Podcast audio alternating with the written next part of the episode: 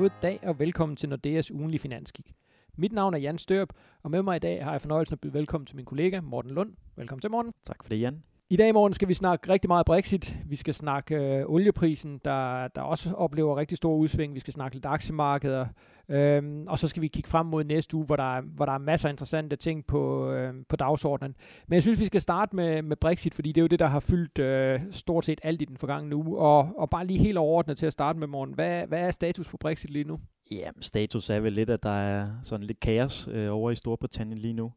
Øhm, det startede jo sådan set meget godt i løbet af ugen, øh, hvor man meddelte, at man havde nået en aftale på sådan et teknisk niveau, altså mellem forhandlerne. Øhm, og øh, så skete der så det dagen efter, at øh, Theresa May hun skulle forsøge at øh, øh, søge opbakning til den her aftale i øh, sin regering. Øh, det lykkedes. Hun kom ud øh, og øh, var meget tilfreds med, med, at man var nået til enighed der. Men så øh, ramte øh, balladen altså øh, næste morgen, fordi vi altså havde øh, fire ministre, som valgte at takke af, og øh, heriblandt var så øh, Brexit-minister Dominic øh, Raab, som altså var et, må jeg sige, øh, et rigtig skidt signal for øh, Theresa May. Jamen, det er jo, det er jo et eller andet sted lidt paradoxalt. Han, han har vel været med til at sidde og forhandle den her aftale, og har vel også øh, ligesom skulle prøve at, at sælge den internt, og så går han ud og, og trækker sig. Det virker jo umiddelbart fuldstændig, fuldstændig vanvittigt. Ja, det er, det er noget grotesk, at man kan stå øh, 12 timer øh, efter, og så øh, er der en, der trækker sig, når, man, øh, når det angiveligt ser ud til, at, at man egentlig har været enig.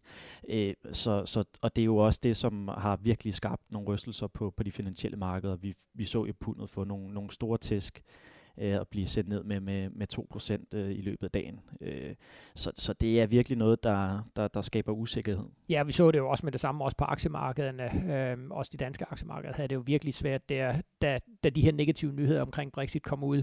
Øh, så man kan sige, hvis vi bare kigger hen over ugen, øh, til og med ja, i, i går aftes, så de danske aktier var jo faldet med, med omkring 3% hen over ugen. Og, og det er jo rigtig, rigtig meget Brexit-relateret. Øh, og det er jo lige præcis, som du siger, det er den her usikkerhed, som, hvad, hvad er det næste, der sker? Og, og, og når der er en usikkerhed, jamen, så er det klart, så, øh, så, så rammer det aktiemarkederne hårdt. Men, men hvad, hvad tror du, hvad, hvad, altså, hvad, hvad kommer der til at ske, hvis du tog et bud på det? Jamen altså forløbig så har, har de jo sagt, at, øh, at, at nu skal EU-lederne, de skal mødes øh, næste søndag, den øh, 25. November, og så skal de prøve at gå i den her aftale igennem og sige, om, om, om, de, øh, om det er noget, de kan stå inden for. Men der er så lige kommet den øh, krølle på det hele jo, at øh, ham, der hedder Jacob Rees-Mogg, som altså er formand for øh, de her øh, hardline Brexiteers, han har altså øh, kaldt sådan et no confidence vote øh, øh, for Theresa May. Øhm, og øh, det kræver øh, 48 øh, medlemmer, de øh, skriver under på den, og hvis det så lykkes, jamen, så skal der altså være øh, valg internt i det konservative parti, om hun altså skal væltes. Øh, det er lidt usikkert lige nu, om han skaffer de stemmer, om, om hvornår en, en sådan aftale altså skulle, skulle finde sted. Men det er sådan et, et usikkerhedselement, øh, som måske også øh, man kan sige, stiller lidt spørgsmålstegn, om vi overhovedet øh, kommer til at få den her, øh, det her møde på, på næste søndag.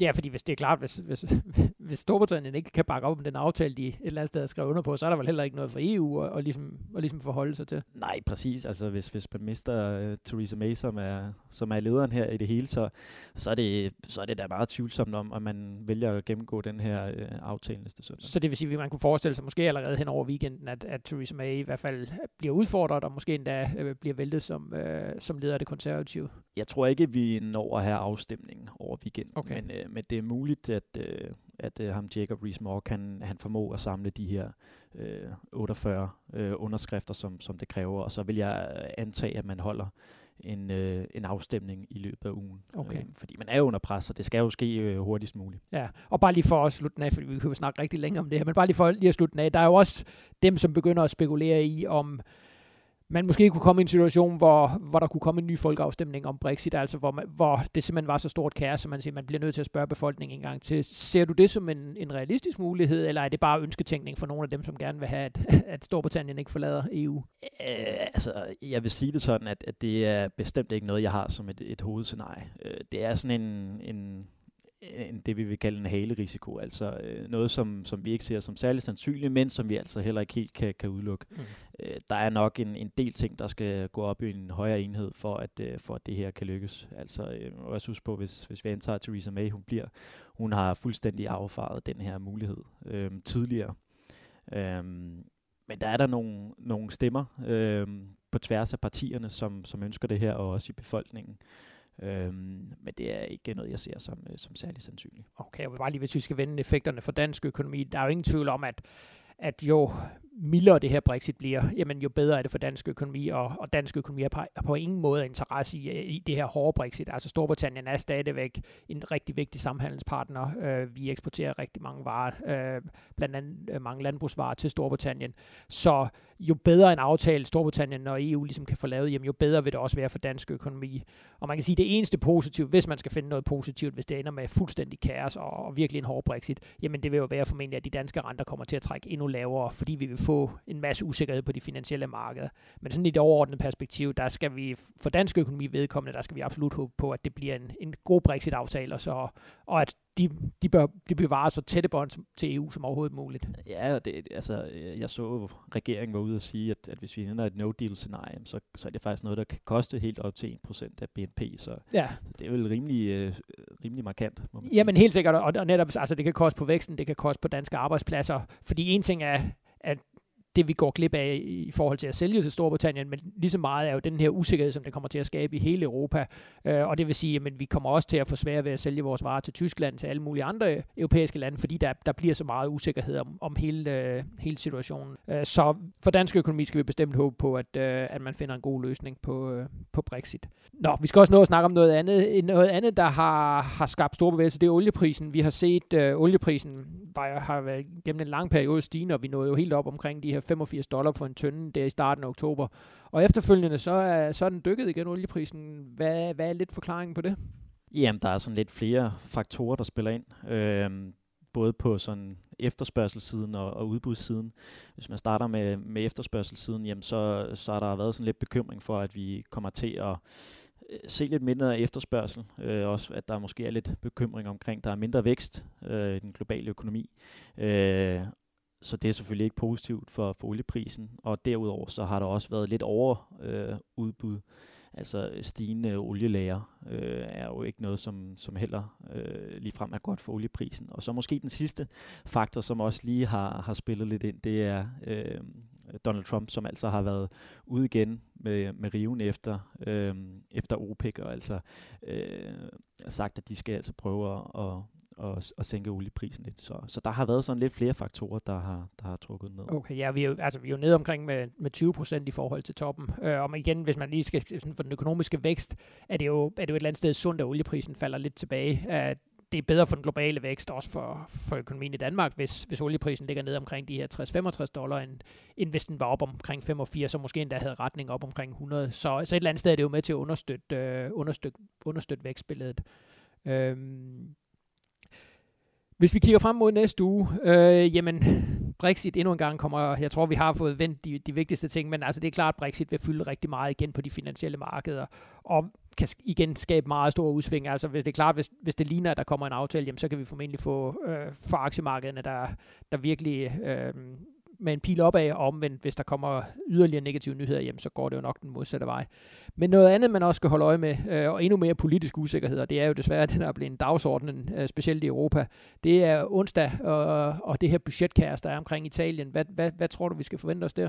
Jamen, det er jo her, at øh, EU-kommissionen de skal give svar på, øh, på det øh, budgetunderskud, som, som italienerne har fremlagt, øh, og det er på minus øh, 2,4 procent af BNP hvilket er relativt højt. De har en høj gæld i Italien, øh, så jeg tror, at, øh, EU-kommissionen de vil ikke være helt tilfreds med, med det, som, som de har fået tilbage fra, fra italienerne.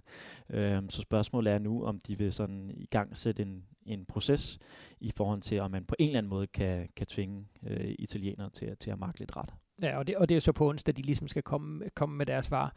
Og et eller andet sted, at der er jo nogle, nogle direkte linjer mellem det, der sker i Storbritannien, og også det, der sker i, sker i Italien. Og man kunne måske godt forestille sig, at man, fordi man kæmper den her kamp med Storbritannien, måske vil være lidt mildere stemt over for Italien, i forhold til, at man tør ikke gå alt for hårdt til dem, eller hvordan, hvad tror du EU, altså tør de virkelig sætte hårdt mod hårdt mod de her italienere, eller, eller er man bange for, at, at det her Brexit måske også kunne, kunne sprede sig til, til andre lande? Hvad tror du? Det er, det er et svært spørgsmål. Altså, man, man kan sige, at, at EU er selvfølgelig... Øh, de er jo selvfølgelig bange, bange for den her generelle populisme, der er øh, hersen omkring øh, Europa. Øh, Udover de, nævn, øh, de lande, du nævner, det er der jo også, øh, specielt i Østeuropa, rigtig store problemer med, med populisme der. Øh, men altså, det, det, det, det, er, det er svært at, at se, øh, hvad, hvad, hvad, de, hvad de kommer til at gøre. Øh, hvis vi kigger på sådan tidligere eksempler, så har der jo faktisk været en del lande, som, som heller ikke helt har været... Øh, øh, har overholdt de her regler, som, som EU har sat. Og der har de været sådan lidt sløve med at, at faktisk øh, straffen, hvis man kan kalde det det. Så, øh, så vi må lige se, hvad der kommer til at ske her. Ja, det eneste, man ligesom kan sige i EU-kommissionen, det de vel nok siger, der er anderledes den her gang, det er det her med, jamen, når der er så god vækst i, i Europa, når vi har opkøbsprogrammet, jamen, så burde man kunne, kunne lave en bedre finanslov, end en finanslov med et underskud på, på de her 2,4 procent. Ja. Så det er vel lige så meget det her med, at man, er, man synes lidt, at de misbruger det vindue, der er nu til at, at faktisk begynde at måske få, få afdraget på sin gæld. Det er vel dybest set det, der irriterer, og specielt tyskerne jo. Ja, det gør det, det, gør det helt sikkert. Øh, det kan, men det kan jo også være, at EU-kommissionen de håber, at, at markederne altså kommer til at hjælpe lidt her, fordi hvis, hvis renterne kommer til at stige endnu mere i Italien, så vil øh, den italienske regering jo komme under pres øh, i forhold til at, at markere ret, fordi der er jo altså også en, en grænse for, hvor meget de kan tåle, at, at de italienske renter øh, kan, kan piske op, inden mm. det kommer til at, at løbe fuldstændig af sporet. Og der er det jo lidt andet sted lidt sjovt, så sammenligner med USA. Øh, altså der er under, budgetunderskuddet, jamen det er jo dobbelt så stort, det Trump han har gang i, det er ja. jo i den grad også forlånte penge, og der er der jo ikke rigtig nogen, der snakker om det her med, at øh, gældskris og alle de her ting, altså så der, der er forskellige spilregler alt der, afhængig ja. af hvilket land man er. Men der, øh, der må vi jo også bare sige, at amerikanerne, de, de nyder jo altså godt af, at, øh, at de har dollaren, mm. som jo er bare... Øh, verdens øh, valutareserve der, så der er sådan lidt specielle forhold i, i USA, men jeg vil sige, at jeg har faktisk også set nogle sådan lidt bekymrende, øh, nogle bekymrede investorer omkring øh, situationen i, i, i USA.